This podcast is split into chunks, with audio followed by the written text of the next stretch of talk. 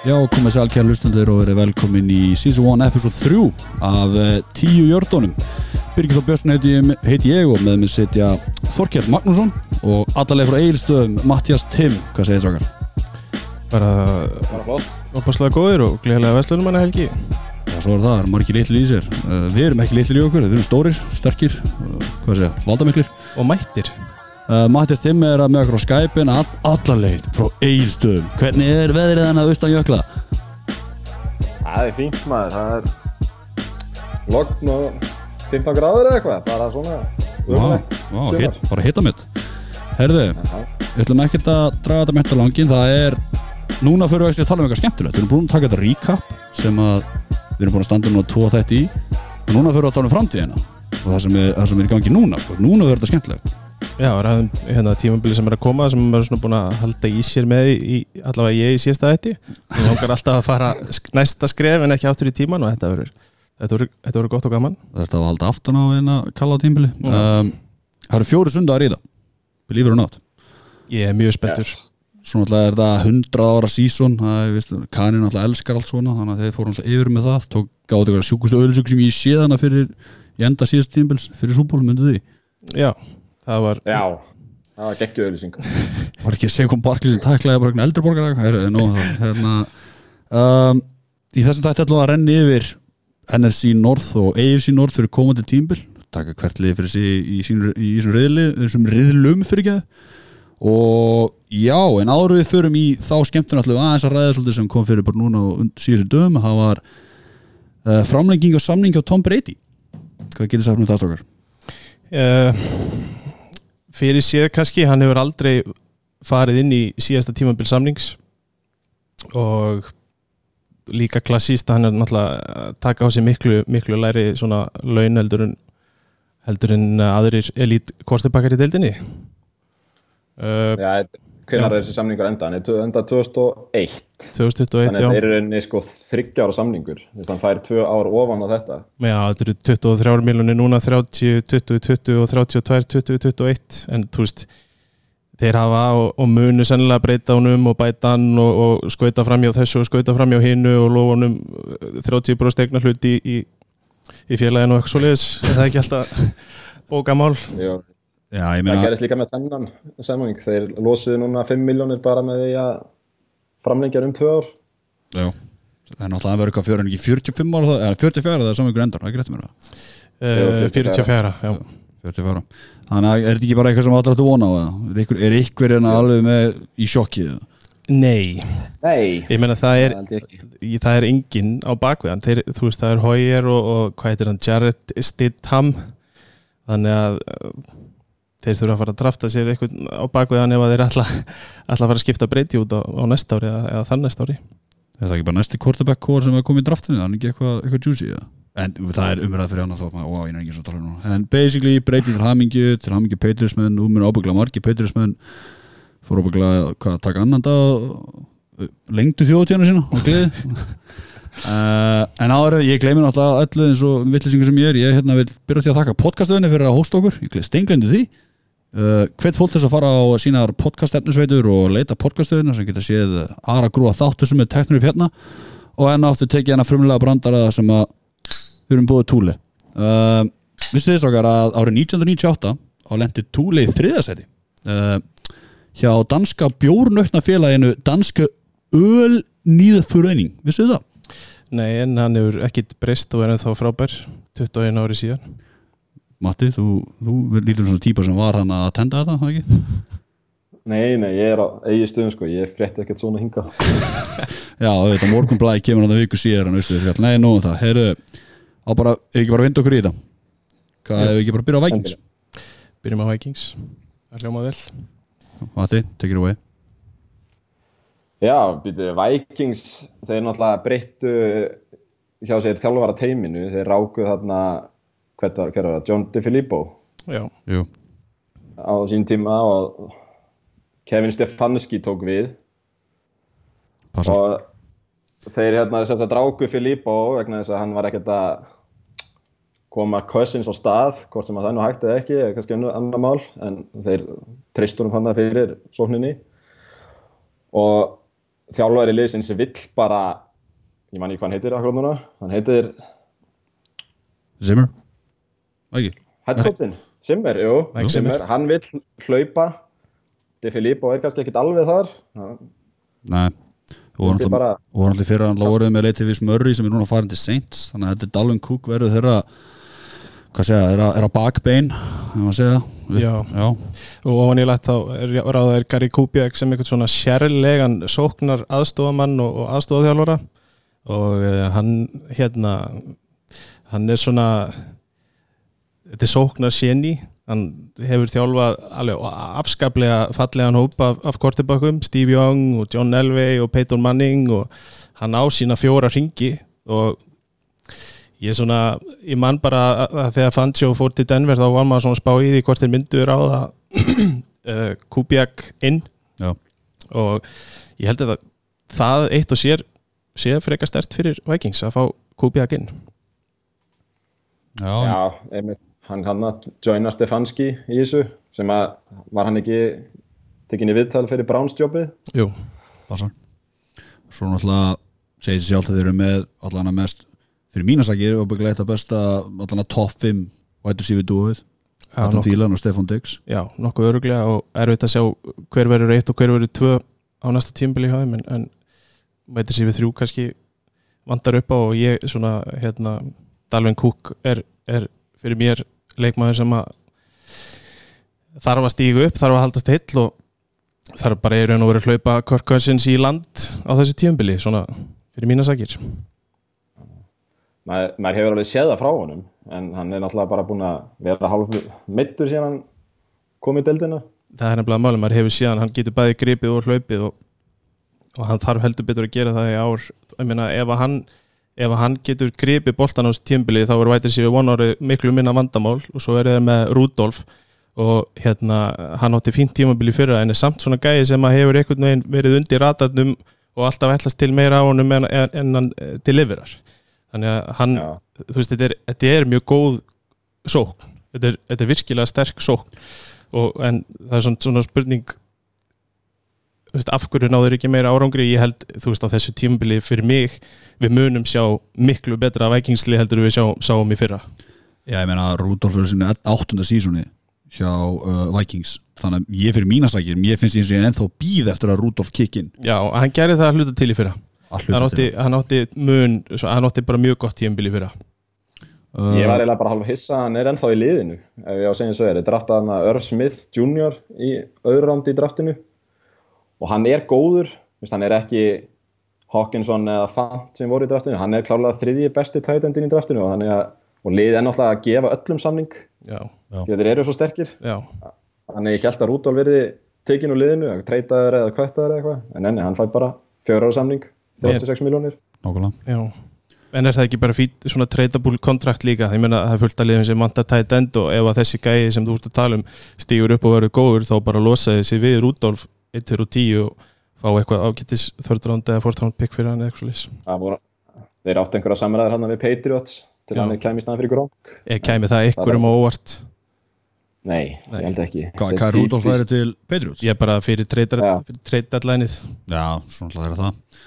Um, Vörnin Þeir náttúrulega eru, sko, þeir eru stackt fremsta línaðara Þeir eru með, hvað, Everson Griffin Daniel Hunter, Anthony Barr, Eric Kendricks Aftarlega okkar Sevi Rhodes var í, eh, hvað var mittur í fyrra. Hann var í smá basli í fyrra. Já, en hann þarf að stíga upp og hann, hann á eftir að vera þú veist ef hann heldur 16 leiki þá er hann alveg einn af bestu cornerbackunum í deildinni. Já, en var það ekki var það, það var Everson Griffin sem var þarna í einhverjum sálrænum vandamálum eða eitthvað, hann hann fekk tauga áfall sjúkrabíla aðtökið, jú. Svona hoppa á sjúkrabíla hann- ferða ekki og hann er samt geggjaður. Hann, já, hann gekkjaði leikmaður, sko, ef, ef hausinn er í leiknum sko. Svo var þetta að fyndi að sjá hann að dramaði kringum Anthony Barr í sumar, eða byrjun árs þegar hann samþykti hann að samning hjá Jets sem snýri síðan við og rétt. tók samning hjá Vikings. Var, tók hann ekki minni pening líka? Sjálfséð jó, í NFL deildinni það var frekar gott. Spila fyrir hjartakanni Það er sem að einkennir þessu leikmenn Uh, breyti og bar Ég glemdi náttúrulega nefna líka Harrison Smith Já, Vikings. Strong safety, Já, ekki strong safety Nei, mér finnst hann ekki nógu stórt nafn. Nei. Hann er sko alveg bara eitt besti frísæktin í deildinni. Já, en hann, free safety. einhver, en er, ekki- hann er samt ekkert í umræðinu sem með Earl Thomas og þessum toppum, finnst mér. Nei, og svo eh, svona fyrir mína part að vera gaman að sjá hérna sóknarlínuna og breytingar þar. Það þarf heldur betur að, að breyta til.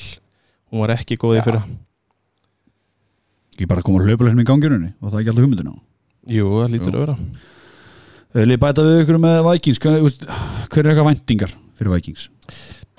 Uh, Þetta er galopin Super Bowl gluggi sko. Þetta er gal opinn riðill líka. Þetta er alveg, þú veist það bara stendur og fellur hjá, hjá Vikings í rauninni hvernig Bears og Packers mæta til leiks fyrir mína parta Ok. þú veist uh, Þetta eru fjóri leikir fyrir Vikings sem að þurfa að falla þeim megin og í rauninni fyrir hinn liðin líka til þess að þeir komist í annarkvort vælkarti eða upp úr reilunum og eiga þá möguleika á Super Bowl okay. en, en klálega svona þú veist, það sem við vitum um þetta lið er að það er stakta leikmönnum Já. þú veist, það er fullt af góðum leikmönnum að það, en þeir samt missa náttúrulega Sheldon Richardson og Andrew San, hvað, Sendeo og það er svona hvort að það hefur okkur árið, ég veit það ekki. Já um, Nú bara ein pæling svona endan bara. Þú veist, er Cousins að fara að floppa? Ég veit, ég veit þetta spundi framtíðar. Ég meina, skilji sjá því fyrir ykkur að Cousins að fara að floppa skilur Nei, nei, en ég meina hann sko, tímabilans í fyrra ég er með að skráða hérna, hann er 70% completion, 4300 hjartar og 30 touchdown, þetta er annarkvort besta eða næst besta sem hann hefur gefið frá sér á tímabili síðan hann komin í deildina. En á sama tíma er hann að mínum að þið með betri sóknarvopn og þetta er ekki það mikið betra að það sé eitthvað tenging þar á milli. Já. þannig að hann þarf samt að stíga upp og hann þarf að fá meira frá hlaupaleiknum alveg klálega en í svona, þú veist við sjáum að á þessu tímabili hvort hann sé meira en bara svona 9-10 sigra quarterback í þessari deild. Nákvæmlega. Matti, pælingar?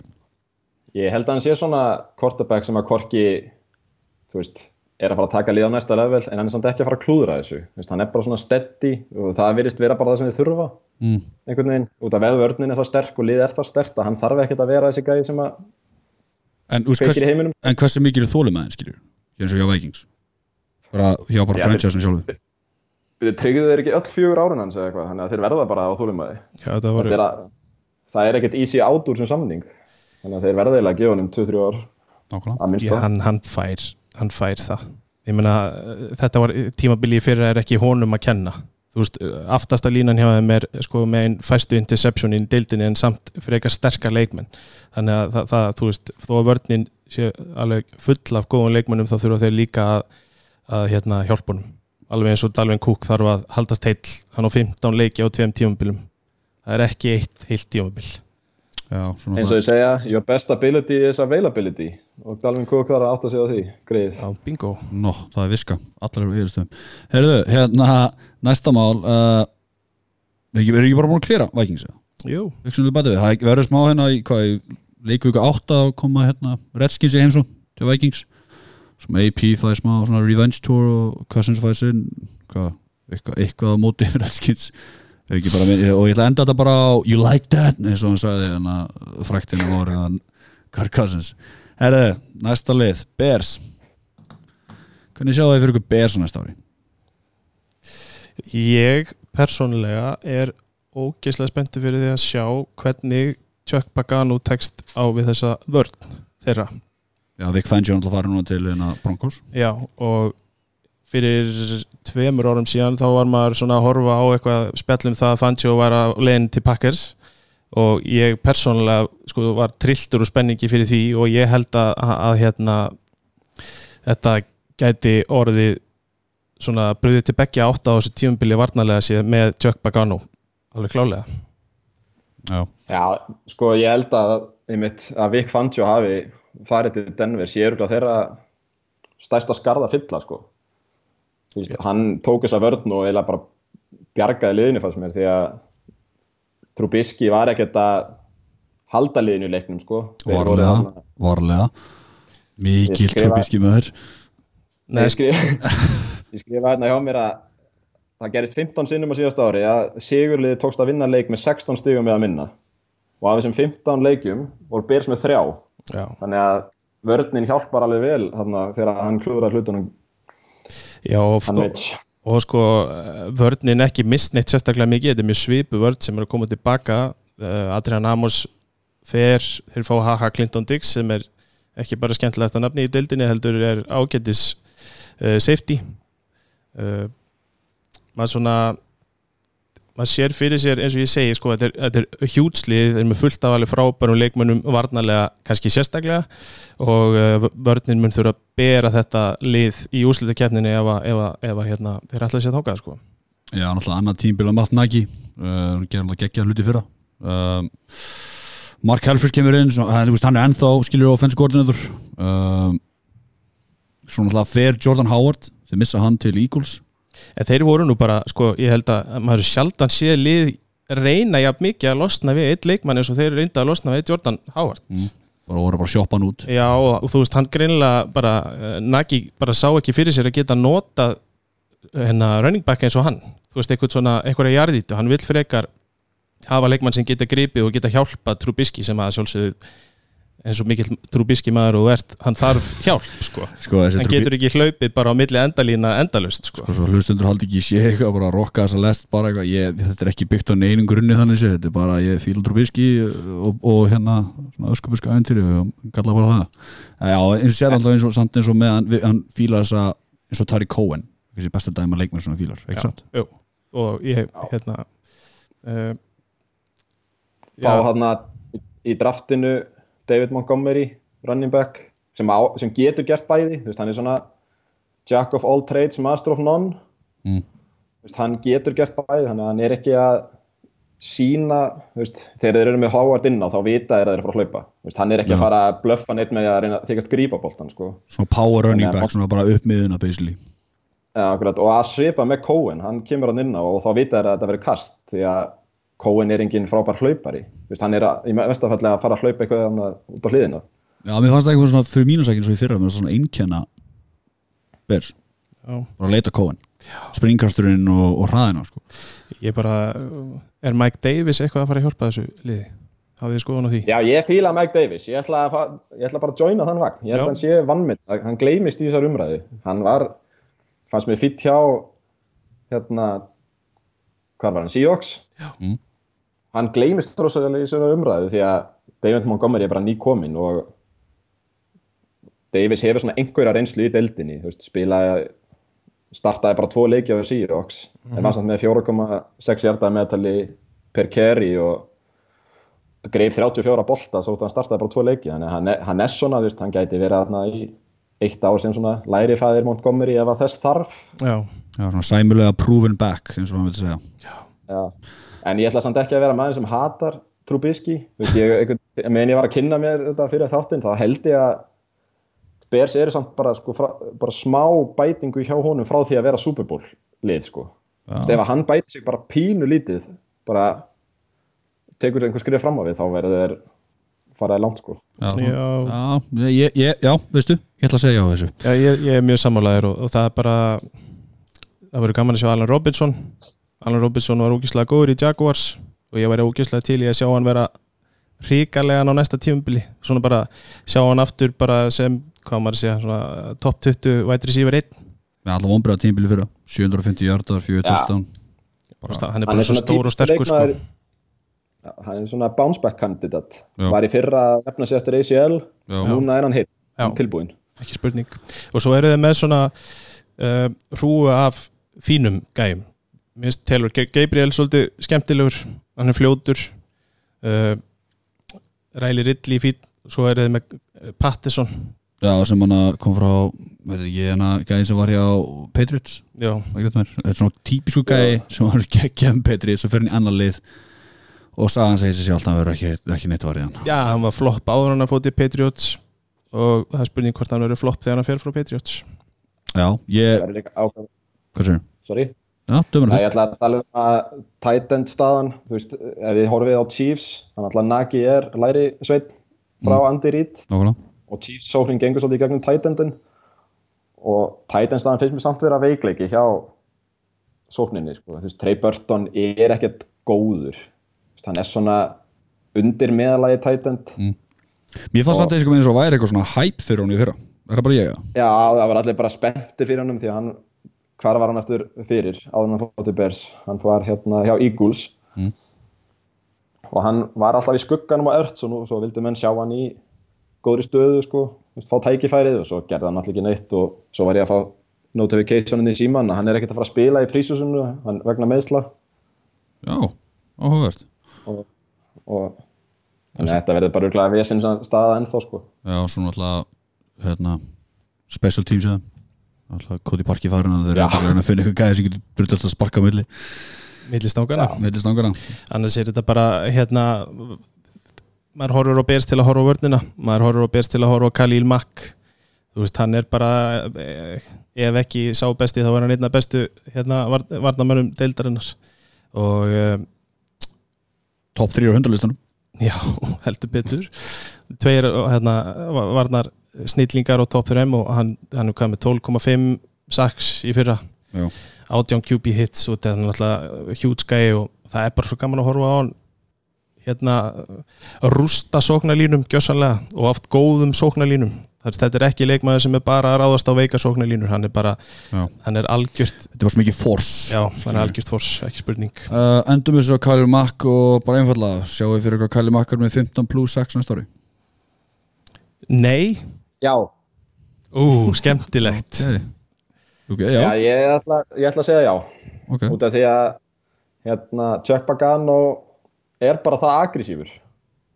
Að hann kemur bara með blitzana sko, Mm. og það er ekki takt að hugsa um alla. Nei, og Magmun er bara það góður að hann treður hann að 15-6, það er kannski minna um forced fumbles, þannig að hann var með 6 á síðust ári en hann bæti það bara upp með 6 já. Er ekki líka rétt að mér að hérna, secondary hjá uh, Bears í fyrra og með flest interception? Passa það ekki? Allan að næstmest það, það hljómar mjög líkleg Það voru mjög og grípa bara allt. Þannig að ég býstu að það haldi áfram á næsta ári. Uh, Nóa Bears Lions. Lion Bar, hvað segir ég, getur satt mjög um það?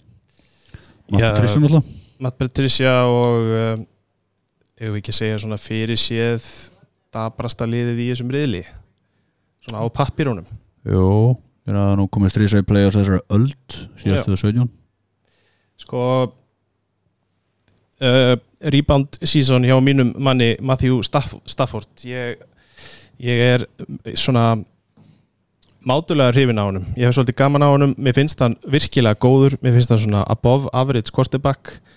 En ég veit ekki hvað mér finnst um Matt Patricia sem aðalþjálfara veit ég skoðun á því?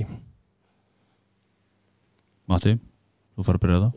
Já, ég sko veit það ekki heldur. Hann er svona, þú veist, þetta hann er fyndinn, það er gaman að fylgjast með honum. Þú veist, hann er góður fyrir okkur fans sko, Mm. en ég veit það ekki. Þessi vörn er allt í lægi, þú veist, það er hann gott defensive line, hann verðist draga leikmenn að. Þú veist, það er hann Mike Daniel sem kom núna frá Green Bay bara um daginn. Já, þú veist, hann sagði Matt Patricia að væri svo mikið snillingur en hann fekk náttúrulega 10 miljónir fyrir eitt ár þannig að hann segir allir á Lions séu snillingar er komið, er þetta bara hérna eh, peningatengt að Packers losa sig við hann er það komið í ljós eða? ég veit það hlýtur að vera eitthvað Já. annað hérna á bakvið ég trú ekki vegna og þú veist, mér finnst alltaf svolítið skrítið þegar að liði losa sig við leikmenn sem að eru kannski svona bæði ekki, ekki bara góðir, heldur svona fan favorite leikmenn rétt fyrir prísísun það er rosalega skrítið. Já, Já, en Packers rusl er Lions fjársjóður já, vissulega. þannig að þeir geta bætt honum þarna við Matt Patricia þú veist hann þarf að sína eitthvað sko, þú veist, liði varði eiginlega ekkert betra með því að hann joinaði þá þannig að já þeir alltaf konum með nýjan OC samt, sko, nýjan offensive coordinator uh, Darren Bowl já, og nýjan tight end. Já, virkilega spennandi TJ Hawkinson. Er hann ekki bara Matt Patricia fyrir að leita sínum grong Það er ekki bara? Ég er hann ekki, hann er bara hægt og rólega að reyna að byggja Patri, sérst, já, Patriots lið úr, úr svona úr því sem að, að hérna Belichick myndi aldrei byggja upp Patriots lið eins og að gefa Trey Flowers einhvern rísa samning sem að í raun og veru lappar út frá Patriots af því að þeir eru ekki tilbúin til að bjóða honum risasamning Já, defensive endina ekki? Jú, Já, hann fekk hvað, 90 miljónir fyrir 5 ár? Já, já. Basically, já. Uh, Siggi Ansson alltaf farinn fór til uh, Seahawks. Um, er eitthvað, veist ég, mér finnst bara svo leiðilegt að tala Lions ég er bara alveg reyns, ég fengur Jesse James The Outlaw frá hérna Steelers Já, hann á náttúrulega að vera þarna til að bí, eða, halda sætinu heitu fyrir Hawkinson. Ég er spenntur fyrir Hawkinson. Aðlóta þegar ég er náttúrulega 49ers maður og þar er aðmaðurinn George Kittle og þeir koma frá sama skóla. Þannig að allir Hawkinson þurfa ekki skuldan með einhverja peninga því að ef Kittle hefði ekki sprungið út þá hefði Hawkinson aldrei verið áttunda pikki í draftinu Nei, nokkanlega, en Jesse James fæst hann sko fjara á samning sko 22 ja, miljonar það hlýtur að vera eitthvað auðvelt átt í þeim samning. Ég, bara, ég var að skoða þetta og ég bara trúi því ekki að hann sé ekki með eitthvað veist, auðvelt að leið út. Jú hérna, það er ég get að kötta hann eftir 2020 sísonið, Já. þá borgaði bara 4 miljónir í kapit Já, ok. Þannig að það er alltaf svona smá klásula sem getur rætta sér. Þessi, þessi fjögur ára samningar eru bara tveggjara samningar. Nema á standið þig. Já, nákvæmlega Ég held bara fyrir mína parta með Lions þetta verði opaslega erfitt sísón, þetta er ekkit sérstaklega stert lið á pappirunum og, og hérna maður svona gerir ekki ráð fyrir því að þeir vinni neitt mikið meira en, en sex leiki þeir eiga eftir að vera sko ú, þetta er aftur dæmið, þetta er opaslega sterk deild, þeir eru með veikasta liðið og þar er þar eru sko sex leikir sem þeir munu verið í vandræðum með, ekki spurning. Mm. og uh, maður svona það eru leikmenn sem eru skemmtilegir. Kerryon Johnson er, er opbáslega skemmtilegu sóknarleikmaður. Hann var hérna uh, góður í fyrra. Já, runnibackin running backin hjá þeim. Já, þar er ég á vagninum. Já, alveg, ekki Klárlega. spurning. Og, en, og sko eins og ég segi, sko, Kerryon Stafford uh, Hawkinson fyrsta ára er alltaf erfitt. Uh, ef hann er eitthvað skrýmsli þá er þetta fínt. Mm. en það er ekki mikið til að hrópa húrra fyrir annars hjá þessu liði. Kenny Golladay. Já, Já. Kenny Golladay Golladay er spennandi fyrst mér. Hann, hann er kannski engin Megatron en hann er svona kallar. Babytron, já, ok. Ég, ég, ég, skal, já, ok, ég geði þennan, skiljur Ég geði þennan.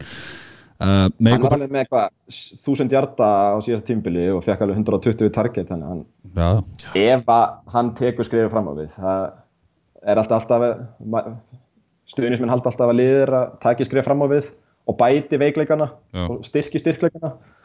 En það er bara ekki þannig. Stundum fer þetta bara aftur á bak þegar þetta á að fara áfram. Nákvæmlega. Ef ég ætti að taka eitthvað svona gæði sem að, mig langar til að sjá stíga upp þá er að Marvin Jones.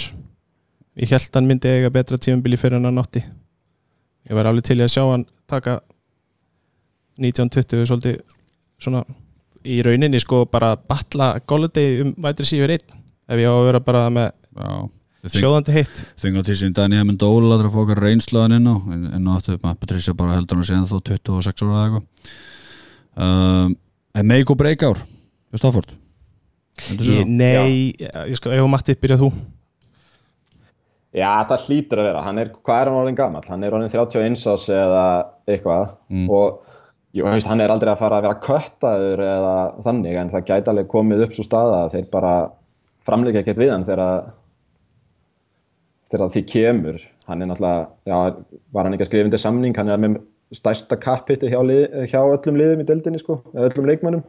Já, 29,5 miljón eða eitthvað. Mm. en hann verður líka að standa undir því. Hann er aldrei að fara að klúðra þessu. Þetta er svona svipað á með Cousins. Nema Stafford er aðeins viltari já. Já, en það er sko.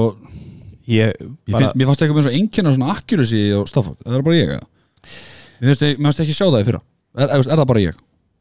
Nei, hann tók líka bara verri ákvarðanir veginn. ég held að sé það. Hann tekur uh, oft frekar dabrar ákvarðanir en ég, sko ef að Matthew Stafford kemur út á free agent markaðin Mm. það er alveg slatti að liðum í deildinni sem myndi uh, taka á sig kappitti sem að Stafford er með og, og, og halda áfram út frá þeim punkti. Já, ekki, Já, ekki enda þetta bara annað við Lions að vilja halda áfram að tala um litlu ljónin í Detroit þetta er bara flott held ég. Það ekki? Jú. Herðu, það voru að koma á Packers. Það eru ostakallanir Það er nú þitt lið. Já, það er mín, mitt lið sko. Um, Alltaf ég fylgist mjög vel með Packers en er samt einhvern veginn ekki, hefur enga hugmyndum hvað við erum að fara út í á þessu tímubili Já. McCarthy er farinn. Breytti tímar. Breytti tímar.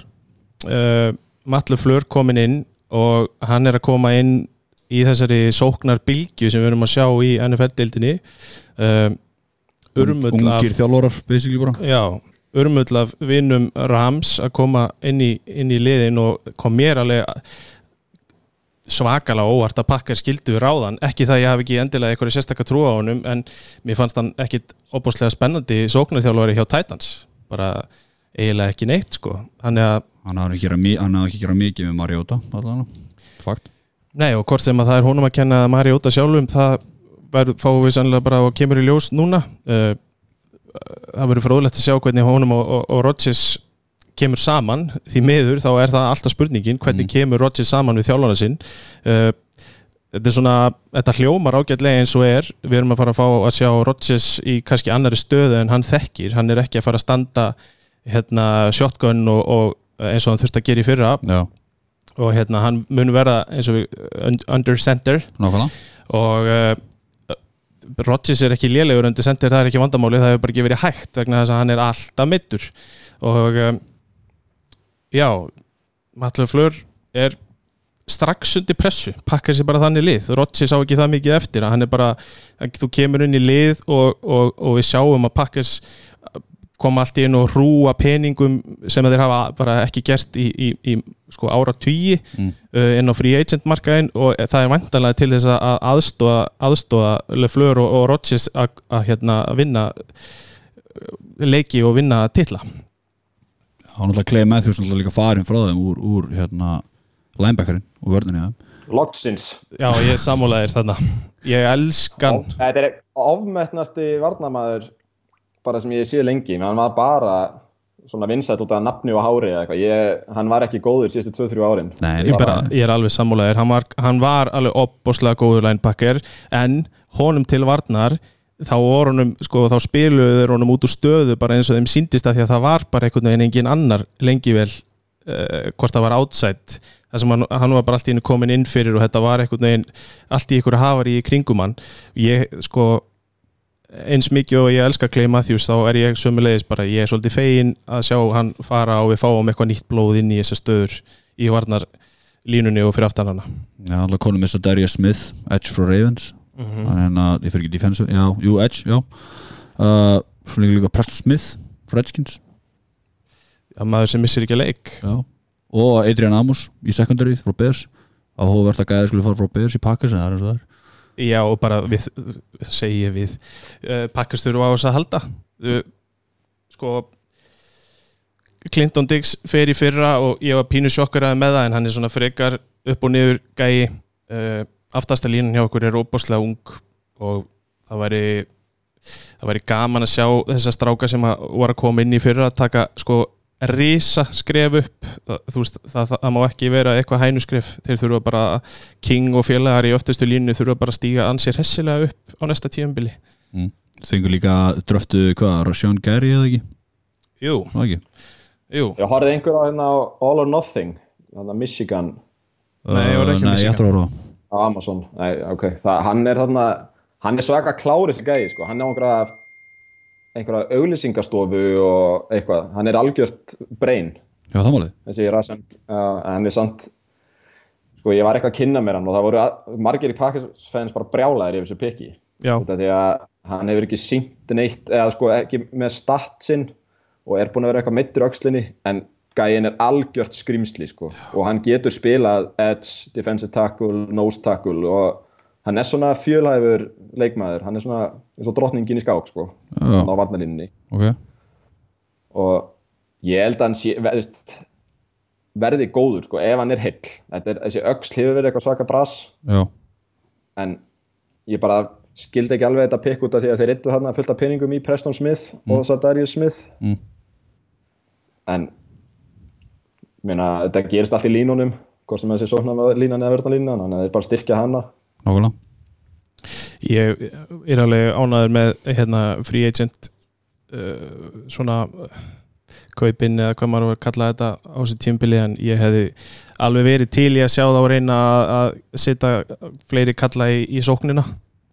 Persónulega, sóknarlínan er fín og allt það en uh, Devontae Adams er svolítið uh, í svona vætri sífi hlutverkinu hjá þessu liði Já, þetta er að go to guy, basically Já, já, en Já. þú veist við vorum að tala um á hann Svona- vætri sífi þrjú hjá Vikings og eitthvað svo liðis veist, hver er vætri sífi tvö hjá, hjá Packers Var ekki hérna Geronimo eða hérna, er hann farin eða? Nei, nei, þá hann Og, verður í slottinu segja þér já Og hvað og heitir þá hann? verður það Mark Marcus Ventley Scantling Nei, Já, skemmtling, jú, jú eitthvað Valdez Scantling hann? Já. Já, Veist, Hann þetta er- Hvað segirðu? Ég er búin að vera að býða eiginlega eftir þessu offsísinu hjá Packers í fjögur ár. Þeir hafa, þú veist, alltaf verið, það er alltaf svo hægt að fela ansi marga veikleika hjá sókninni með því að hafa mannis og Rodgers. En það hefur alltaf verið vörnin sem hefur verið að klikka og vera svona, þú reynt að fela vörnina á bakvið Rodgers þó að hann sé náttúrulega ekki inn á. Nei, En loksins þá er bara hent bara pening hérna og drafta tvísar í förstrandinu, drafta hérna Dernel Savage já, gá, í hvað, sem 21. pick gáði 30. pickið og tvö forþránd fyrir það. Nákvæmlega. Og hann er sa- safety sem að kemur átta með Amos. Amos er þú veist, sjúklega solid og meðan að Savage er Savage. Já, og er bara, gerir bara eitthvað þú veist, það er svona viltar í típan og það er fáralegt að horfa hann, hann er pínu lítill en hann er að skjóta niður menn sem eru miklu stærri en hann. Já, hann er svaka tæklari. Ég sá að mitt eitthvað svona vídeo á hann og hann er, er, þetta er svona stálmús ef maður á að nota eitthvað orðið yfir hann. Ég, hérna uh, við töluðum um, uh, við vorum að tala um semst veikleika pakkaslýsins sem cornerbacks og semst bara áðan og ég er svona einhvern veginn ég er á báðum áttum. Mér finnst Jair Alexander alveg óbúslega spennandi leikmaður. Mér fannst hann svona á köplum svona bara góður í fyrra. En það er engin reynsla það er ekki nein reynsla, þetta er allt mjög ungi strákar Mm. og uh, aftur hefði verið alveg óbúslega sniðut kannski að henda sér út á markaðin og reyna að fá einhver, einhver kall í kornibakstöðuna hjá Pakkas mér hefði fundist það Já, það er reynslu basically, já, ok, já. Ok. Eitthvað sem við bæta við um pakkast þannig séð það? Bara Rodgers, bara do your thing eða? Já, ég vil, það er running back staðan. Mm. menn vilja tala um Aaron Jones ég er góður, Já, ég er bara ekkert viss. Það, hann hérna er alltaf í einhverju meðslum búin að vera meittur hvert einasta ár sem hann er í deildinni. Já, svo sett ég einhver svona búin að lenda í banni bara með sjö leiki með 70 hjarta eða meira rushing af 24 já, og varnir þessum sjö leikjum voru þú veist fjórar þeirra voru í 27. sæti eða neðar í hjartspökk hér í leifiðir já. Og meira en cirka þriðjungur af töstanum hans koma frá, koma frá á- í leikjum á móti þessum vörnum. Já, þannig að mér finnst verið að treysta á hann eins og hann sé eitthvað góður en hann mér finnst hann ekkert vera búin að alveg sanna sig einhvern veginn. Nei, nákvæmlega. Það verður mjög gaman að sjá hérna Leflur reyna að blanda hlaupaleiknum inn í þetta, ég er alveg sammála því og ég er alveg sammála með Aaron Jones líka. Þetta er svona, þetta er gæði sem að maður alltaf að býða eftir. Aaron Jones er ekki meittur, hann spila næsta leik, ok, hann meiðist í fyrirháleik, ok, frábært. Úst, þetta er svona bara vilja vekk hvort hann spilar og, og hvort hann spilir vel. Og ég er alveg sammála að þetta verður þetta verður mjög skrítið hérna skrítin hlaupaleikur á þessu tíumbili ef, að- ef að hann á að vera ásinn okkar. Það er ekki spurning. Segir líka alltaf okkar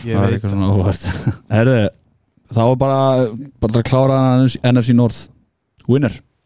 Hver er alltaf takkið þetta? Bears. Ég ætla að segja Chicago. Takk þetta í ár. Ég ætla að segja Vikings. Vikings, þetta er bara að segja til að vera ósamlega matta Nei, ég, ég, hérna, ég er uh, bara ekki spenntu fyrir sóknarleiknum mjög bers Ok, En ég skaut ég- ég skaut að niður bara og ég ætla erfitt að ykkur það er í góð leið, ég held að þetta verði hérna, ógeðslega tæft á toppnum, ég held að það geti verið þrjúlið sem eru bara með nýju sigurleiki eitthvað svo leys Mm.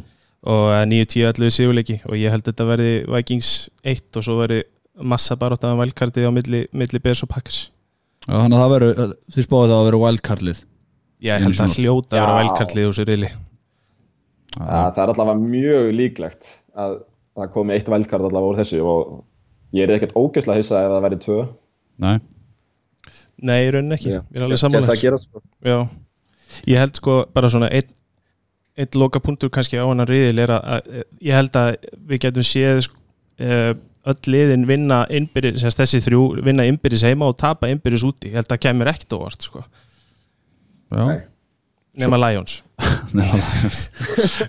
Svo er eitthvað heiðis lítið með að vera með pakkas Ég þekki svo marga pakkas Mér finnst ég alltaf heyra sumið rununa maður. Hörðu, hérna, sorry. Ég bara vildi enda þessu líka. Það er í góðu lagi mín okna ég hérna, er, er alltaf ekki að vera með neileiti við því. Nei, Ég, ég spáði Bears upp, ég sammála því. Uh, Wildcard, ég vil spá, já, ég vil spá Vikings upp í Wildcard. Og svo er þetta Lions og pakkas hann niðri. Hérna, nú fæ ég allt samfélagið á mig. Uh, Færum okkur yfir í AFC North Bengals, strókar Bengal Kettinir um, Ég fyrir mína sakir, Zach Taylor fyrst sísón, enn og aftur einn af þessu þessu, þessu alda ungum og nýju þjálfurum á komin. Um, Bengals eru bara því mjög ekkert það spennandi. Þeir hafa ekki komast upp á wildcard í playoffs síðan 1990 fóru síðast í playoffs árið 2015 töpuð það fyrir Steelers. Um, Zach Taylor þú veist, fyrir um aðstofn að Sean McVay eins og tala um aðan bara þú þekkti Sean McVay eða eitthvað í Rams Organization það fegstu vinnu. Já, basically. Uh, 36 ára gammal Já, sko, með sagt Taylor aftur, hérna, ef að ég er Evins eða flur, þá er ég alveg opboslega Evins um sagt Taylor. Honum til haps er hann að fara til Bengals sem hann alltaf reka ekki þjálfara fyrir hann að það er alveg gjössanlega full reyndum að þeir geta ekki unnið hérna, leiki úrslitakefni og uh, ískalt þetta er ekki tímabili sem það breytist. Uh, hann hann er, hvað sagður, 36 ára. gamall. Hann uh, á ekkit svona merkilegan feril á bakinu. Hann var millibils koordinator hjá Dan Campbell og félögum hjá Dolphins 2015 fyrir það hann síðan sem í háskólaboltan uh, sem hérna offensive coordinator fer svo til Rams tekur assistant wide receiver jobbið og, og hérna quarterback coach árið og eftir uh, svo er hann bara orðin þjálfari hjá liði í bara mjög svona sterkri deild í NFL og sko spennandi er kannski ekki endilega orðið. Ég ætla ekki að segja að Bengals séu spennandi en þetta er mjög sérstætt og þetta alveg verður mjög fróðlegt kannski helst að fylgjast með því hvað hann ætlar að og hvað í raun og hvernig hún tekst til. Það var náttúrulega ekki mikið reynsla líka hvað það maður koma hann nýr offensive coordinator, nýr defensive coordinator uh, Brian Callahan offensive coordinator og hérna Lou Anarumo uh, defensive coordinator, lítið reynsla í þarlaðliðinu í þokkabúti allt sem eitthvað svona skilu quarterback coach og, og defensive back coach og, og þess áttur en við kannum hugga eitthvað við það og þeir eru með Andy the Red Rifle Dalton í quarterback, ha, the elite.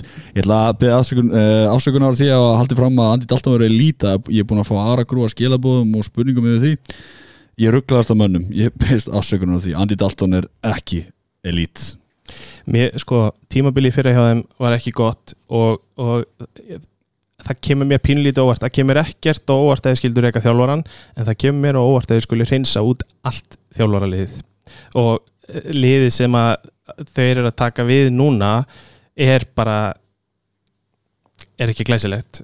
Reynd útsagt, AJ Green er bara meittur meiri hlutan af, af, af allavega fyrir hluta tímabilsins, svo maður bara þetta að sjá til með hann, hann er því miður bara mikið meittur hann mittist alltaf ekki ykkur fjaskói Já, á einhverjum ónýtum velli sem NFL-deildin leta á spila með steina og hólur og, og bengast bara, já, heyrðu, jú við peppum þetta, AJ, hann að taka hlaupin upp hlaupur upp og hann hann bara rústar öklaninu sinu fyrir aðgerð og það er bara eitthvað, hann er spáður að koma tilbaka í eitthvað áttundu viku eða eitthvað, vonandi. Já, ég held að það sé fjóruðu viku. Já, Hann mér- er í 6 til 8 vikur frá. Já, svo lengist Byrjar þetta í maður, síðustu viku, svo sko. lengist þetta og hann, hann drullar á sig og þetta verður eitthvað vesen. Nei, já, þú veist, hann er hérna quarterback coach Zach Taylor og það er hversu góður quarterback coach þú veist, hann er quarterback coach en er hann góður quarterback coach? Ég veit það ekkert, hann var það en ég veit ekki hvort að það er eitthvað gagn í honum þannig sé sko. En gefum Hann hann, hlýtur samt að vera að fara að fá eða, veist, Þetta hlýtur að vera núna eitthvað, eitt eða tvö ár hjá Andy Dalton og hann hlýtur að fá sinn eigin quarterback veist, að velja sér sinn eigin. Já, já, þú veist þeir, sko, og ekki öðru spurning hvort þeir ætli bara að tanka, sko. Mér langar að hérna, stela einum punkti frá vinum mínum hjá The Ringer Kevin Clark kom með, hérna, með minnir að verið hann sem sagði sko það koma inn 8-9 þjálfarar og einhver af þeim þarf að vera lélegast í þjálfarin það kemur bara í svona sennilega í, í sagt Taylors hlut að vera lélegast í þjálfarin af þessum 8-9 ráningum í deildina, það þarf einhver að vera það og ég er ansi hrættur um að það verði sagt Taylor, í miður. Já, svona alltaf Það getur ekki allt verið home run. Nei, nákvæmlega. En hann alltaf eins og Andy Dalton er fyrst skipt að fá nýja þjálfur hann er búin að vera með Marvin Lewis öll sín nýja ár uh, í dildinni um, Svona alltaf AJ Green meitur og er fyrir þetta fellurðaurinni á Tyler Boyd og John Ross að sjá um hlaupuleikin Já. ásamt hann Tyler Eifert og hérna hvað heitir hann CJ Usmoa heitir ekki? CJ Usoma. Us, Usoma, já. Já, og svona alltaf Giovanni Bernard og Joe Mixon. Já, í hlaupaleiknum. Já, Joe Mixon alltaf verður búin að bara sjá um þetta Ég held að Joe Mixon verði allt í öllu aðna í sókninni. Það er bara, ég og félagin minn erum miklir Joe Mixon menn þegar hann kom út á college og við vorum ekki sáttið þegar hann fór til Bengals því að ólænið er bara, eða var bara drastl og ég verðist alltaf bara vera það áfram. Já, bara dána kant Hann, já, drafta þarna, hvað heitir hann, Jonah Williams Já, í first round Já.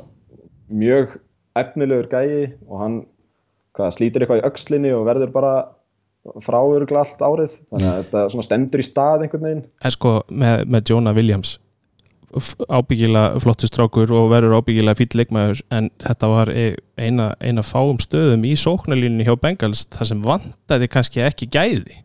Þeir voru með allt í lægi left tackle í sóknarlínunni sinni sem ég man ekkert hvað heiti því er alveg stóli úr mér. En, en Þeir tre... Jó, það, er, það var þarna einhver left tackle sem er treytuð til Bills ef ég maður rétt. Já, og það voru allir brjálæri yfir því, ég skildi það ekki sko. Já. Já, var ekki, hver, eh, Cordy Glenn? Jú, var það ekki hann sem kom þannig til þeirra? Jú. Nei, hann, þeir treytuðu hvað, fyrir hann eða Þeir, ég held að hann sé hjá þeim en þá sko. Já, þetta er svo fáránlega punktur sem við erum að tala um hérna um einhvern, offensive line en ég ætla að koma þetta í það Þetta, sorry, þetta er samt ágætis punktur af því að Bengalsliði vantar fullt af leikmunum í fullt af stöðum Já, og þegar þú ert actually með left tackle já, þá er mjög skrítið að sækja sér sóknar línulmann í, í förstrandinu. Mér finnst það persónulega og það var það sem maður svona las til um að þeir vissi ekki alveg af því að þeir losa síðan, eh, losa sí- síðan ekki við Glenn. Svona ískalt sko. er þetta ekki bara á, á sandi byggði heimskumadur húspælinga? Jú, í rauninni. Já, uh, til þess að taka upp bara Hvað segir þið? Að Jonah Williams gæti verið bara svona eins og þeir gera oft með þessa left tackle gæja sem eiga að taka við left tackle setna hafa hann bara hægra megin. Já, að að læra, læra með hann. Spila nú stöðu basically, bara meðan hann já, að hinn hættir og já. Er svona einn leikmaður sem að ég er pínum spennt fyrir það er Boyd. Tyler, já, ég held hann er sko, að vantar AJ Green, það er ömulegt og allt það ég held að Boyd geti verið bara fínasti vætri sífur 2 Mm. og hann geti átt bara fínt tímabil svona meðan sérstaklega AJ Green er frá. Bara einir vörnir náttúrulega hjá Bengals uh, náttúrulega bara þeir, secondary einu vanlega kosturinn, Sean Williams uh, strong safety og Jesse Bates, full safety. Uh, Bengals náðu að sakka quarterbackin fyrir á 34 sinum fymta lagstæði í deildinni. Og þú veist ég er bara ekki, ég finnst leið að tala um Bengals wow. Já, ég meina Bengals verið í vandræðum. Þeir, þeir eru svona svipumst á Lions fyrir mér. Þeir eru eftir að vera bara á botninum í freka sterkum riðli aftur, þetta er mjög sterkur riðl Steelers, Ravens, Browns, Bengals. Því miður fyrir Bengals, þá eru þeir bara neðstir í hrúunni Já. og, og þetta er bara svona við sjáum bara til hvernig sagt Taylor gengur til. Þetta er ekki tímabilið það sem hann mun, mun vinna tíu leiki og koma Bengals í, í úrslutakefni, það bara er ekki að fara að gerast þannig að hérna þeir munu verið í vandræðum og það er bara vonandi að verður það allt í lægi fyrir Sack Taylor og vonandi sjáum við svona hann setja sinn stimpil á þetta lið Já. hvernig sem sá stimpil er að því við náttúrulega vitum ekkit um hann Nei. þannig að Browns munu eiga Ohio, punktur klárlega Já, ég, ég er því samt ekkert ótrúlega hissa ef þeir myndu skemma fyrir hinn og þreymur liðunum. Þetta er svona lið með ágætis uppside ef að allt, ef að tunglinn ræðast rétt fyrir þá sko. Já. Er hann alltaf með Dunlap og Atkins þarna, sem eru bara með betri defensive linemannum í deildinni. Mm. en ég hef enga trú á þeim samt. Ég er samt ekki hýstar Nei, ég er, sko, að því að Marvin Lewis er alls ekkit lélugu þjálfari, hann var bara komin á endastu með bengarslið, þú veist, Marvin Lewis er alls ekkit eitthvað, hann var ofta að búa til fín lið einmitt úr engu og ef að þú ætlar, að- ef að eitthvað tíman þá hefði þetta kannski verið tímabili fyrir hann að gera eitthvað úr engu. Já. en eins og ég segi Zach Taylor, you're up. Já, ok. Var bara búið að kóra Bengals Thank God Browns, það er þegar sem sé aðeins skemmtilegum ræða Cleveland Browns. Heldur betur, fullt af nýjum hérna, þjálfurum og, og fullt af nýjum leikmönnum. Já, uh, náttúrulega Shake and Bake, annars sísun í honum. Er ég er svo mikil bake maður ég dýrkan eitthvað. Um, Svo náttúrulega segir sér sjálf náttúrulega OBJ treytið ákveð statement hjá Browns. Fakt. Og hann eru tveið félagar að samanast að hann og Jarvis Landry sem voru saman í LSU saman að saman uh, já, Já, hvað? Ættu að segja já bara nei, ég, ég, ég, ég var bara að vera sammálaði sko. Já, það er gaman að hlusta menn tala um Odell sko. það er uh, minn uppáhaldsmaður í deildinni. OBJ yes, þannig að ég Hann er plánuður sko. bara mjög spenntur að sjá hann hann hann er alltaf búin að vera með Eli Manning og búin að vera geggjar þar þegar hann helst heill. Já, samt með Eli Manning og örgulega í einni geldustu sókn í NFL og núna fær hann bara sko örgulega mest spennandi quarterbacki sem heitir ekki Mahomes já, fakt með sér. Og það er bara verður mjög spennandi að sjá þetta lið. Bara át af því að Freddy Kitchens er náttúrulega búin að taka við liðinu. Mm. og er í fyrsta sinn head coach og þeir eru verið að ná bara virkilega vel saman, hann og Baker. Já, þeir eru báðir svona, svona, svona léttruglaðir þeir eru alltaf eitthvað svona að stríða hvorum öðrum og eitthvað svona svaka félagar. Já, þannig að ég held að hann er mitt náið í besta úr Baker. Já. Klála Mér langaði bara að koma einn uh, punkt með Odella því að ég, að því þú segir þegar hann heil, helst heill uh, ég var með svona, uh, eitthvað, svona lúmskan punkt í hausnum að, að Odell Beckham væri mikið meittur en þetta eru fimm ár hann er búin að spila 12 pluss leiki í, í sérst, fjögur tímabil af þessum fimm. Það kom mér svolítið á óvart. Hann er svona að taka leik og leik einhvern veginn út. Hann á eitt hann sem hann spilar fjóra leiki og er svo bara meittur út tímabilið. Uh, hann á þúsund hjarta rúmlega á hverju einasta tímabili. Uh, yfirleitt 10 pluss touchdown nema í fyrra sem Mm. er gríðarlega eðlilegt því að hann var í frekar döbru Giants liði. Með frekar dabran quarterback kom að því síðar en ég er alveg sammála sko, Odell og Landry bestu vinnir Já, annarkvort verður það bara rósir og, og æðislegt eða þá að það verður skítafílaði og þeir lendi ykkur um vandræðum sko. já ég er líka sko þú veist, þessu, horfir á vopnin hjá Browns. Að Landry, OBJ svona Karim Hunt sem það kemur inn eftir áttalegi en það er nú ekki og Nick Chubb það eru gæði í honum.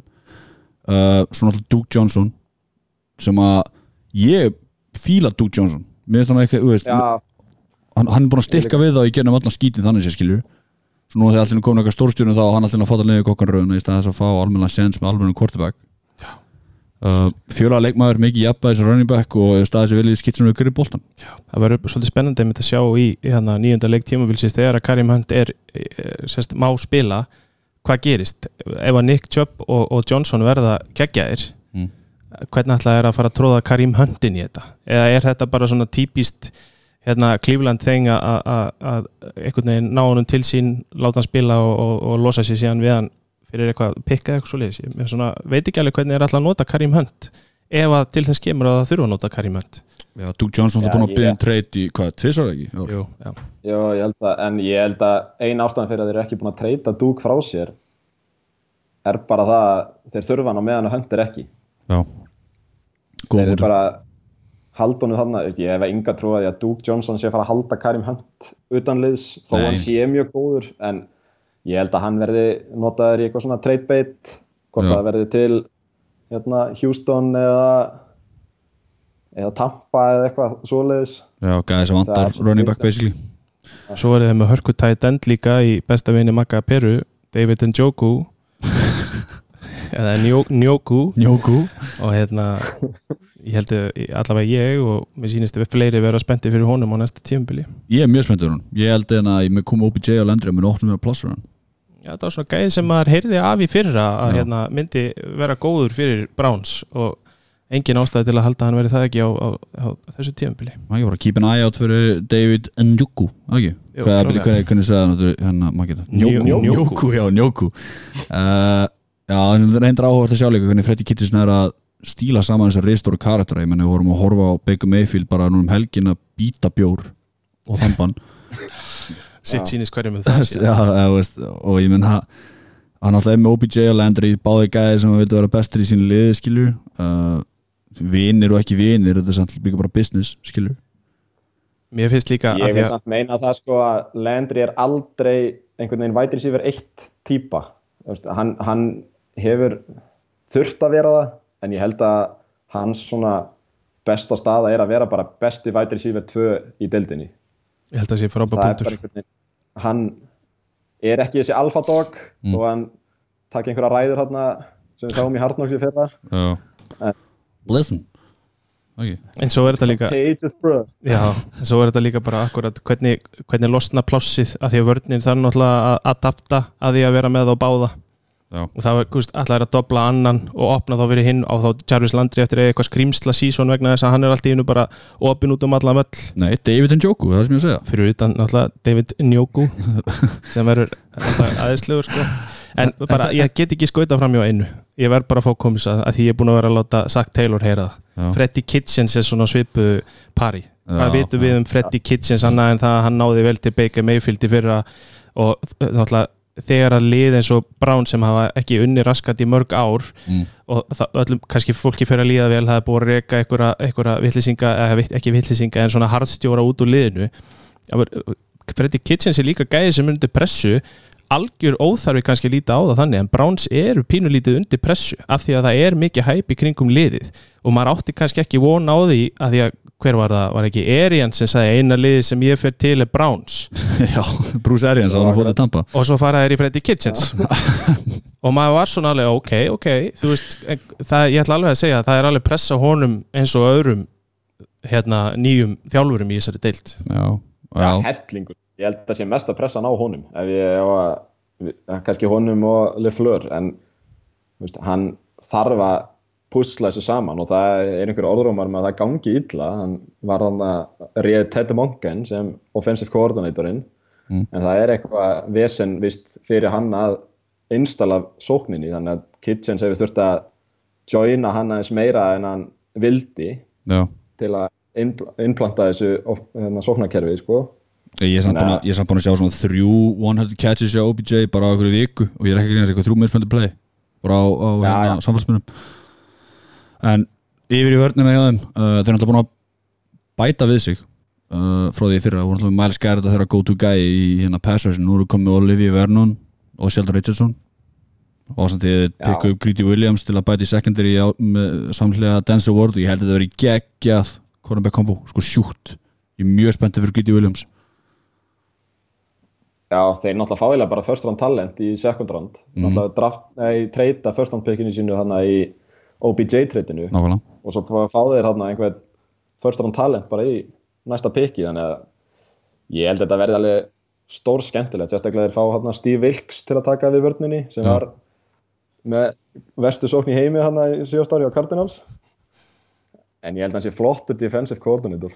Það er að mitt, svona það sem að ágætispunktur, það er til dæmis gæði sem að fekk hérna stígvélið með alveg skelvilegt lið þú veist fekk ekki, fekk ekki tækifæri kannski eh, ekki það að hann var óbyggilega ekki maðurinn í starfið en hann fekk svo sem ekki mörg tækifæri til þess að sína það heldur. Ég er alveg sammálaður, ég held að hann sé frábært hægur fyrir vörninni á þeim, ekki spurning. Það eru, bara hans kóðrað, ekki þá komum við okkur því sem margir að beða eftir. Það er, uh, ég veit nú stór fanbæs í Íslandi fyrir Ravens. Ég bara renna þessi Ravens okkar. Uh, John Harbour á sínu 12. sísunni sem aðþjálfari breytti aðeins til í þjálfateiminu þegar Greg Roma var að gera offensive coach hann hafði verið aðstofamaður og Titan þjálfari og hafði áður verið offensive coordinator hjá uh, 49ers og Bills. Þannig að með, já, með Bills hann kannski vanið því að frekar að hlaupum boltan en að kastunum, nei ég segi svona. Uh, Persónulega ég er spenntur að sjá hvernig koma kastlun uh, Lamar Jackson í gang. Ætla að segja sér sjálft að þeir voru meiri fyrir það að hlaupa í fyrra. Í fyrra að gekka út á hlaupin. Uh, hvað 1200 kastjar þar heiltu í síðast tímbil og með 700 rushing yards það er að segja hann hann gæt sem kastaði í háskóla hann kastaði yfir 3500 hjarta tvö tímbil í röð. Mann ekki hvað háskóla var í samt en, en það er nú umræður annan dag. Lúi Lúi um, ég meina þeir, þeir sko tölum nú aðeins um receiver core hjá Ravens. Bara svona snögt þeir, þeir drafta Marquise Brown með 2005 pikkinu og auðvitað pælingi var náttúrulega auðvitað að gefa Lamar þetta deep threat fakt, er það ekki? Jú, Já, það sé hljóta að vera en, það var ekki það næði stöðunni.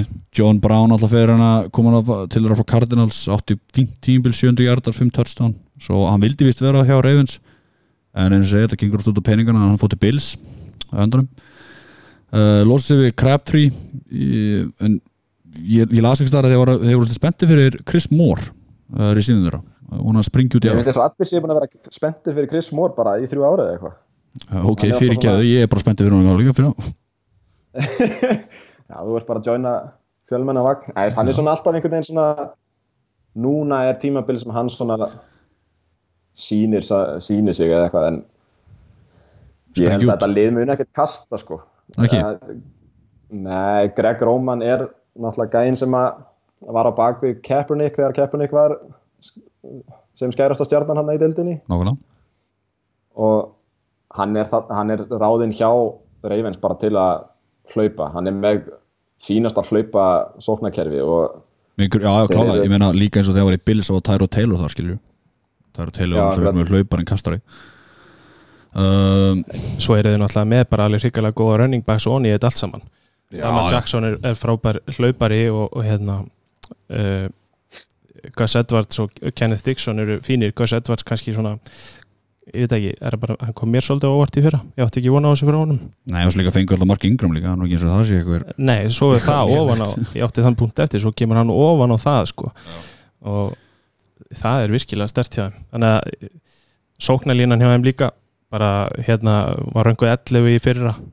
Og hún þarf náttúrulega að, að halda eða verða betri sérstaklega náttúrulega fyrir hlaupaleikin um, og svo er þetta bara, svo sóknarlínan er, er svona blanda af ungum strákum sem að hafa staðið sér vel og svo er það með Janda sem er náttúrulega bara sennilega eitt besti gardin í dildinni og mun hérna, þetta er fyrir ótrúlega gaman að horfa á svona öðruvísi liði í þessari dild þar sem að við erum ekki að reyna að kasta 500 hjarta í leik heldur eru að reyna að hlaupa þá og hérna bara virkilega skemmtilegt lið sko. Það er eins og John Gruden sagði fyrir að maður rétt eitthvað We're gonna run it like it's 1996 Þannig að þannig að það er auðvitað að þeir eru bara að fara að hlaupa sko, en, þú veist, ég, ég hrættur um að fá samfélagi á mig sko. ég er að reyna að peppa kastleikin uh, sko kastleikurinn bara svona ískalt að við erum að tala um 1200 kastjartaði fyrir að hann hefur kastað 3500 hann startaði bara sjö leiki. Já, það er ekki eins og hann hafi verið með 1200 Nei, hjartaði í 16 nei, nei, leikim nei, sko. ég, ég, ég, veit, ég ger mér grein fyrir því eins og ég bara segja skilju eins og ég, ég held að næsta ári Mark Ingram og Lama Jackson verður með 1000 hjarta Já,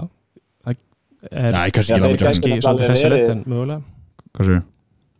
Þeir gætu nefnilega alveg verið munið eftir þegar RG3 var rookie og Al Alfred Morris voru þarna hlaupandi yfir alla dildina. Washington. Þeir, þeir tveir gætu alveg auðveldlega verið það á styrum sko. Já, ég held að það sé alveg rétt sko. Já, við erum valað með stera orðið í þessari dild Þeir heyri ekkert í mér heldur, vonandi. Já, er með þægilegan Willi Sneed náttúrulega í, í slottinu. Hann hefur nú greipið nokkra, nokkra það er nú ef að menn lendi í vandræðum. Er hann ekki bara receiver múið þrjú hana Jú, klálega uh, Já, ég held að Miles Boykin gæti gert gott. Hann er rookie sem við tóku í third round. Já, og hann sko gjörsalega rústaði kombæninu mm, hann einhvern veginn svona datt í skuggan á hérna, uppáhaldið allra hérna, hvað heitir hann, Spoti Seahawks? Þetta meina maður Sigfucking. gæðin sem var 0, nei, mínus 6% fytupróst eða eitthvað? Já, hvað heitir hann aftur? Hann heitir, hérna, Metcalf. Með kafjá já, DJ Metcalf. Það er bara, hann gæti orðið góður og hann er vist búinn að vera besti vætri símur þeirra í camp. Já, fyrst round pick þeirra, Marcus Brown náttúrulega mittur, hefur ekki náða Vist, hann er nýbúin að fá samþyggi frá læknum. Já, til að byrja að æfa og ég held að kemur ekkert óvart að það væri þarna tveir rúkjar í starting line-upinu. Þó þetta verður potið bara allt tætendar og svo einhver einn vætri síður Já. bara til að blokka fyrir. Við erum alltaf með He- Heitin Hurst sem var first round pick í fyrra. Þannig að og Mark Andrews. Já, Mark Andrews, já, það sem er alltaf bara meiri blokkar eldur en, eldur en eitthvað að grípa hann sko. Uh, Vörnin sem er alltaf einkind reyfins bara í mörg ár, mistu fjóra burastólpa uh, CJ Mosley farin til Jets Eric Wheeler fór til Rams Taylor Suggs fór til Cardinals 36 ára gammal, vel gert bæða vei og Sedarius Smith fór til Packers. Uh, með sko outside linebacker, defensive end uh, full safety og linebacker. Fjóri risastólpar í vörðinni þeir fylgtu náttúrulega upp í það með hérna Earl Thomas, skilur og þeir eru alveg með óhugnarlegt secondary. Uh, þú veist, Earl Thomas Marlon Humphrey, Tony Jefferson, strong safety svona bara spurning hver kemur upp í þessum front four varlinni hjá þeim. Ég er búin að lasa eitthvað að Matthew Judon geta verið eða Matt Judon. Uh, hann hefur með 15-6 yfir 2 tímbil skilur hvort að það sé þeirra to guy í, í pass rush, ég veit það ekki. Nei, ég, ég held að Don Martindale sé bara maðurinn og bakveit allt saman og ég held að hann hafi verið það í fyrra og ég held að hann verið það í ár. Já. hann gerði skeppnu úr þessum leikmannahóp í fyrra, algjöra og það var e, þeir voru svo sem líklega til að vera eitt besta varnarliði en að vera besta varnarliði var svona pínu óvænt, ekki Já. kannski óvænt en, en samt Mm. og hann þarf að gera eitthvað svipað í ár og, og sama með hérna e, Marlon Humphreys og Earl Thomas þetta verður þeir tveir hann aftast vera geggjaðir Já. bara það er, ef þeir haldast heilir Mm. sem að Earl Thomas þarf að gera alveg klálega þá verður þetta svakaleg vörn áfram þó svo þeir séu búin að missa slatta af leikmannum þá er hægt að gera alveg frábæra vörn úr þessum leikmannahóp. Ég get loða okkur því að Earl Thomas með halda sig heilin til að spila á móti Seahawks sko. Hann er að fara, hann er að fara, hann er að, fara að pissa fram hann í Pete Carroll uh, eitthvað sem við viljum bæta við hérna ég, jú, náttúrulega bara sjátt á þetta Ed Reed Hall of Fame, tráum ekki með það Ed Reed, ég veit hann að hlusta. Uh, mikið mikið ístasvinnur uh, vil ég bæta við með Ravens þannig séð það? Já, bara það, þessi, þetta vartakerfi hjá þeim er bara svona plug and, plug and play. Það koma þarna gæjar sem að segja hann renn út á samning, já, fara eitthvað annað fyrir rísa pening og, og floppa mögulega, sko. Eða, þú veist, ná ekkert að halda þessum dampi. Já. Þegar þessi Ravens vörn er bara geggjuð. sjáðu fyrir Glama Jackson við erum yfir 2500 hjarta, hvert er það? Já Já, sko, 2500 Já. er ágættis stika held ég, vegna þess að þeir eru með svo stakt running back hóp og hann sjálfan en ég held að 2500 hjartar sko, er bara sirka bát það sem hann var með í fyrir ef hann hefði spilað 16 leiki, ég held að hann verði hann í kringum 3000 kannski. Það er einmitt gaman að segja það að Brock Osweiler var með fleiri kastilunum heldur en Lamar Jackson á síðast ári. Þannig að þannig að ég og það er hérna það hlýtur að vera. Hann var með hvað rúma 1200 hjarta í sjö leikjum. Já, Já, þannig að hann hlýtur svona pluss mínus 200 jú, ég ætla hann klárið það ekki það fari ekki yfir það svona rétt slefarða já, ég ætla að segja ískaldir 3200 hjartar ú, að því að ég var einmitt að lesa um, um Lamar Jackson að það væri bót á, á, hérna, á hendina á hann hann væri uh, svona aðeins öryggar í kastinu á sínu öðru tíum og hvað sem er touchdown? hlaupin eða kastu, Það er bara kastu. tölu. Ég vil segja 26 minnst það rífilega 22, 26 Já, já, ok. 21, 22 eitthvað slags. ok, þú hann að legendana fyrir austan, kóttu með eitthvað tölu?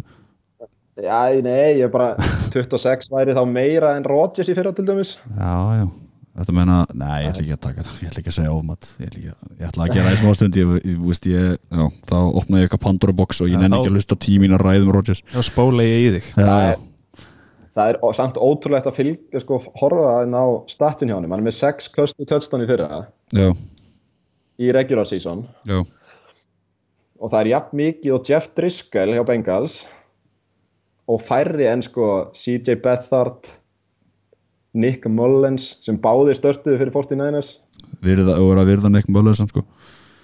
Respect Mullins Herðu, þetta verður mjög áhugavert að sjá hvað þið gera þegar þið fara í, í eh, red zone-ið. Já. ég skal alveg segja það fyrir mínu parta. Sko. já, því að gæti alveg verið hætt á því og þá er hann að fara að enda bara í einhverjum, einhverjum 12-15 touchdownum ef að Ingram fær bara að hérna, spóla sér í gegni hvert einasta skipti. Það er spurning hvort hann steli nokkrum gripnum touchdownum samt Ingram hann fyrir okkur. Ok, ég ætla mínus og 10 touchdown, það eru með 16 touchdown Kost touchdown næsta, hérna þá er það bara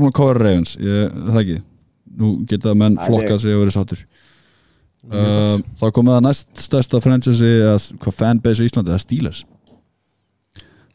Segðu mér nú aðeins að Steelers okkar. Mike Tomlin er það Já, við þurfum ekki að hafa neinar á að gera því. Það er sennilega eitt mesti töffræðin í deildinni. Mm.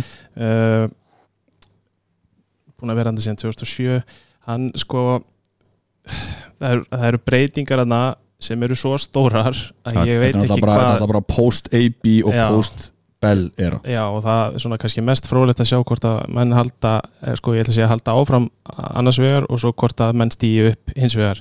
Þá halda áfram að stíu upp í James Conner og, og running back fíldinu sem er þar og sjá hverjir alla stíga upp í staðin fyrir AB því að það er rísa skarð í þetta lið. Já, Juju Smith fæði það hlutverk allan að hlut til um, Ásan þeir, og við gleyma því að líka post-Jesse James the Outlaw era Það er huge Maður er kannski þá frekar að pæli í því sko, ef, ok, segjum að Juju Smith-Schuster stíu upp í, í fjárveru Antonio Brown mm. hver alltaf þá að stíga upp í fjárveru Juju Smith-Schuster af því að hann getur ekki spila sér tvisvar sko. Já. Nei. Ég held að það sé stærsta spurningin í öllu þessu dæmi. Það er að pæla í Juju, en Juju er geggjaður. Hann er Já, já, við erum ekkert að, við erum ekkert að Hann ræða ef að Juju en, en þú, hann getur ekki reynd í þessu Nei. Nei, mér finnst oft sko eins og umræðan snúist meira um hvort að Juju geti tekið stökkið, mm. en hann er, hann var eiginlega vætir í síver 1B í fyrra. Var með bara hvað, eitthvað örlíti minna targets frá Big Ben og jú, jú, það er hægt að segja að það sé vegna þess að Brown sé lokaður, en hann er ekkert lokaður, við höfum alveg séð það. Það er talað um að hann hafi átt smá down year í fyrra og með einhver 10 touchdown og 1300 hjarta eða eitthvað. Það sé eitthvað down year er bara bull. Og, en það eru þarna einhverjir, hvað er þetta, þrýr gæjar sem að er að berjast um það að vera wide receiver 2. Það er Dante Moncrief sem kemur hann frá Jaguars sem að ég persónulega er spenntu fyrir. Talandi um James leikmann sem Hann getur geta búin að okkur á vera- kolt á tímbilum alltaf Já, já, og menn Ah. líka búin að vera spenntir fyrir honum í, í mörg, mörg, mörg, mörg, mörg, mörg ár Já. Akkurat. Svo er hann að James, hvað, James Washington og hver aftur? Deontay Johnson. Mm Já, já, Deontay Johnson já. James Washington er svona gæðin sem að ég horfi pínu til. Svona alltaf- alltaf James Conner skilur það er náttúrulega auðvist að það er þeirra to guy og er náttúrulega líka með Jalen Samuels í running game. Það er geggja ólæn já, sennilega eitt besta ólæni í deildinni, Mhm. að það sé engi spurning. Og hann er bara, veist, að við viljum alltaf Big Ben haldist heill og alltaf hann gerir það á bakvið þessa línu ef hún helst heil, ég held að það sé ekki spurning. Hann er náttúrulega, sko hann spilar bara, Já, það já, eiginlega skiptir einhver máli hvað er á honum, hann bara spilar. Já, já, Er er, samt, er samt rosalega duglegur að láta vita hvað er að. Já, já, já, já. Að, hérna, það vantar ekkert að við vitum alveg hva, í hva, hva, við hvað hann er að berjast áður en að hann situr á sér búning sko. já, já, og tekur svo frí kastar tekur, hann 350 hjarta og 4 touchdown. Og, tekur frí á þriðutum og miðugdum og svona og svo mætir hann í leiki og spilar á, á hverju sem það er sem er að ángra hann. Já, svona Vance McDonald komin í tæt, er hann að tæta nummer 1 hjá þeim. Já, þetta er samt bara svona lið sem er frekar skotelt einhvern veginn fyrir mér. Þetta er bara svona það er fullt að góðum leikmönnum, jú, jú, þeir missa tvo gæja en á sama tíma þá dettur út eitthvað svona fíla sem var þarna, Já. ég held að það hefur ágætt að, að þrýfa aðeins upp í þessu liði. Ég held að það sé fínt og engin ástæð, mér fannst á tímapunkti að voru svona mennpínu óvissir með, með þjálfaran og hvort að þýrst að skipta þar út. Já, og frekar þá bara taka eins og þau gerðu þetta náttúrulega reysa sjens að losa sig við á báða en ég meina af hverju ekki, sjá Já. hvað gerist. Já nóg drama og lósins gera eitthvað sína líka var þetta að sé þetta, að þeir hafa verið vandamálin ekki eitthvað annað en hann ég skilur meina þeir voru ekki með belli fyrra og voru góðir. Já, og hérna Ég- og, það var bara þetta er, þetta er brán, það er resapunktur þar. Ekki, Tim. Ég ætla að koma með eitthvað tvo punkta um þess að sók bara svona stutta. Það er alltaf að tala um þetta drama hjá Stíles Mm.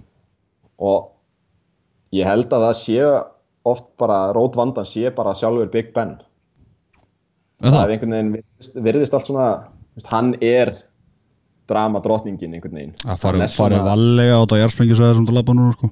Já, sko, hann er alveg góður og allt það en oft verðist svona hann er alveg að kalla menn út svona í ofinbærilega og svona er Já. ekkert feiminn talar hann um, um brán í einhverju útvarsrás og ég byrðum að hætta og hann segir bara nei, veist, hann er aldrei að fara að hætta því og, og hann, hann er bara kongurinn og það er bara þannig og menn þurfa bara að sætta sig við það annars verður drama. Já, ok, en við ekki bara enda sókninu á stílus þessu.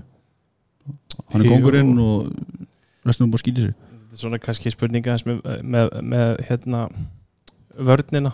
Já, já, við endur að fara endur já, að já, sóknarlega þessi Jú, ég held það líka. Þetta er svona þetta er bara, verður skemmtilegt lið Já. að fylgjast með, þetta sé rétt. Dröftuðu náttúrulega Devin Bush með tíundapekkinu treytir sig upp fyrir hann. Uh, voru tveir svona, svona linebackarinn sem voru áberandi góður í þessu drafti. Tampa Bay tók fyrsta sem hvað, White hérna ekki, mann ekki alveg.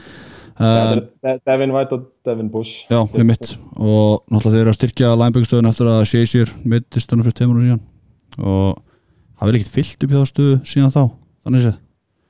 Nei, í rauninni ekki. Það uh, vantaði bara linebacker sem gæti dekkað einhvern. Já, basically. Gáttu alveg stoppað vörnina en það var ekki að dekka nokkuð skapaðan mann sko. Nei, þannig að í linebacker stöðunni Það var allt galopið fyrir aftan þess að slottrið sér voru easily, já, einmitt. Og líka bara ef að, ef að running back komst í gegn og bara safety sem þetta til að ná honum. Um, svona TJ Watt, litli bróður JJ Watt sem allir voru bara eitthvað búast þegar hann væri að fara í deildina bara þegar hann væri með Watt eftirnámið Nei. svo sannlega búin að sokka marga. Nei, ég las það ekki þar að það var umræðum það sko. Já, ég er hann meina ekki svona einn skærasta stjarnan hann Jú, Ég held, jú, ekki spurning.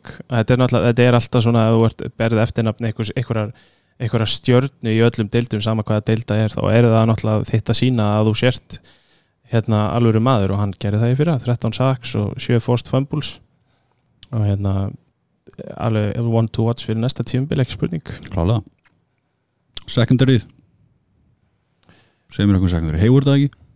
Bæna bestu þeir hérna fá, sko, þeir eru með cornerback, eitt alveg locked, það er Joe Hayden sem kom annað frá Browns. Já, já, er náttúrulega eiginlega stærsta nafnið í vörninni þekkja hann allir. Já, sem að, eða svona flestir allavega.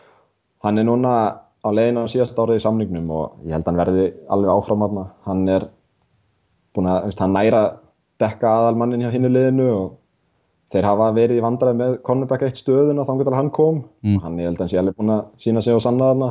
Það er bara Já. cornerback tvö staðan sem er vandamál. Til dæmis eins og Artie Burns var hann að drafta þær í hvað fyrsta öðru randi fyrir einhver máli síðan og hann er bara lélugur bara, eh, hann hérna Mike Tomlin var spurður ertu smá svektur við Artie Burns? Og hann segi nei, ég er mjög svektur það þeir- aldrei þeir ríða hafa- menn upp hérna, einmitt hann fyrir að bara Og- rosalega glæður að sofa með þetta á bakinu. Já, og svo fá þeir hann Steven Nelson frá Chiefs til að reyna að vera þessi cornerback 2 Já. en það var skotið af mér að því að hann var með jafnmörg interception og allt sekundari hjá Steelers í fyrra þegar hann var hjá Chiefs. Já, Já, er ekki gott. Þannig að að fjögur. fjögur. interception fyrir það er alveg ró- það er þeim, bara eins og ég segi, hún hrundi í fyrra og minna liðin bara hérna eldu lyktina sem var hann á bakvið hérna, varnalínuna, bara réðust á, á stíleis það sem þið voru veikastir og það bara svín virkaði, það er bara svoleiðis og svo hjálpaði það náttúrulega ekki til að það var allt einhvern veginn í hafar í já, þetta liði sem er kannski mest í fréttunum me- megnið að tímabilin alltaf að býja til því að, að Bell kom inn og sjá hvernig þetta fær og hitt og uh, bara reynd blað betri vonandi vörn mm.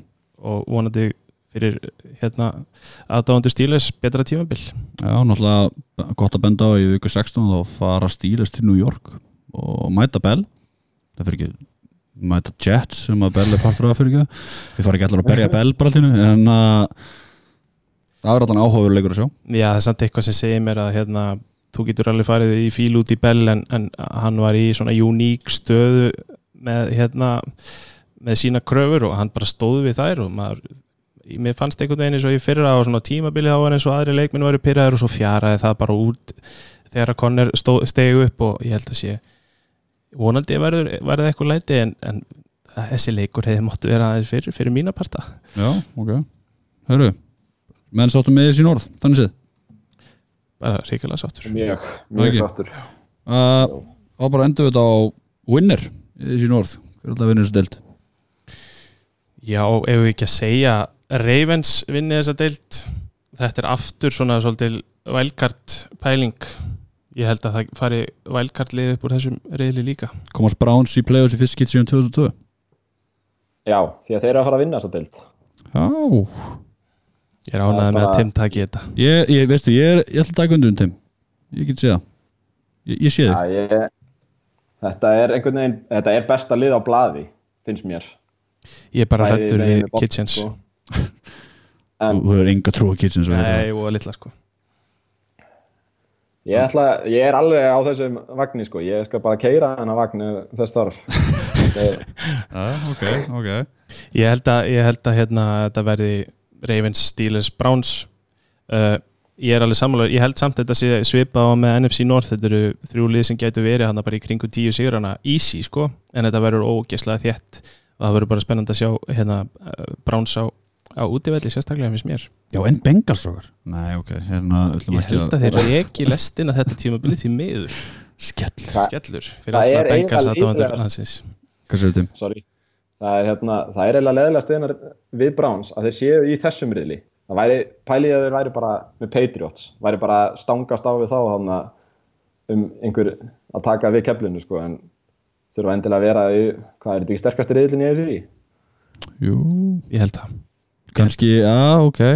Eða sáð Ég held að þetta sé á næsta tíumbili held ég að þetta sé sterkast í riðlinn ég held það Já, ok. Fyrir utan náttúrulega Bengals. Já, já, Bengals, hann er Dalton maður Red Rifle. Elite. The Elite Red Rifle. Herre, ætlum við ekki brenda þessu? Bara þannig að, svo ég renni yfir þetta. Eins og við spáum þessu. NFC Já, ok. Einspurning. Hefur Juju burðina, burðina í að vera wide receiver one, ég veit að vorum að tala en þú veist, en hefur hann burðina. Þú byrjaði til mig að ég tek þetta? Ég tek þetta bara. Sko, ég, af því að ég ætla að vitna í sömu grein og ég var að lesa á hann ég fór yfir alla vætri sífi once í þessari deild og það er fullt af liðum sem að myndu sko húrrandi glöð taka hann sem vætri sífi rétt, ekki spurning. Ég held hann verði hann rétt fyrir ofan miðju. Uh, ég er svona sett hann í hóp með Thielen, Diggs og Cooper og Hilton, kannski fyrir ofan Cooper og Hilton. Mm. og sa samastað á Thielen og Diggs. Og hérna en klálega fyrir neðan Julio og Brown og Hopkins og Thomas. Eitthvað staðar svona hann akkurat á milli. Hva- Hvað er bara topp? Já, ég, Nei, ég segi hérna eitthvað staðar á milli þú veist, í kringum kannski tíu eitthvað svo leys, Já, ok. Tíundi besti. Ég held að þetta sé alveg rétt. Ég held að hann verði svona, ég hann gæti að hann hefur alveg uppsætt til að vera alveg top 6, 7. Já, Það er líka bara spurning hvernig trítment hann fær vegna þess að það virðist engin annar vera við hliðin á honum. Ef að þeir ætla bara að vera með tvo leikmenn á honum þá náttúrulega bara fellur hann í skuggan og, og, og stílis verið vandræðum. Alright Hár rétt. Endum við þessu. Þá bara, svo er henni yfir þetta Kallis bóði Vikings Winners í uh, NFC North. Mattis bóði Bears, ég spóði Bears. Vá, hvað þú erum Ég og Mattur erum sammálaðum, þú erum ósamlega þér. Svo er bara í North, þá spáðir Kalli Ravens Já. Og ég og Mattis bóðum Browns. Það ekki enda þetta fyrir þessu bara? Bara glæsilegt. Herru, þá segir ég bara takk hjá fyrir komin að sokar og, og við munum halda áfram að fara yfir deildina, það er bara endur að halda áfram að hlusta og bara takk fyrir okkur. Takk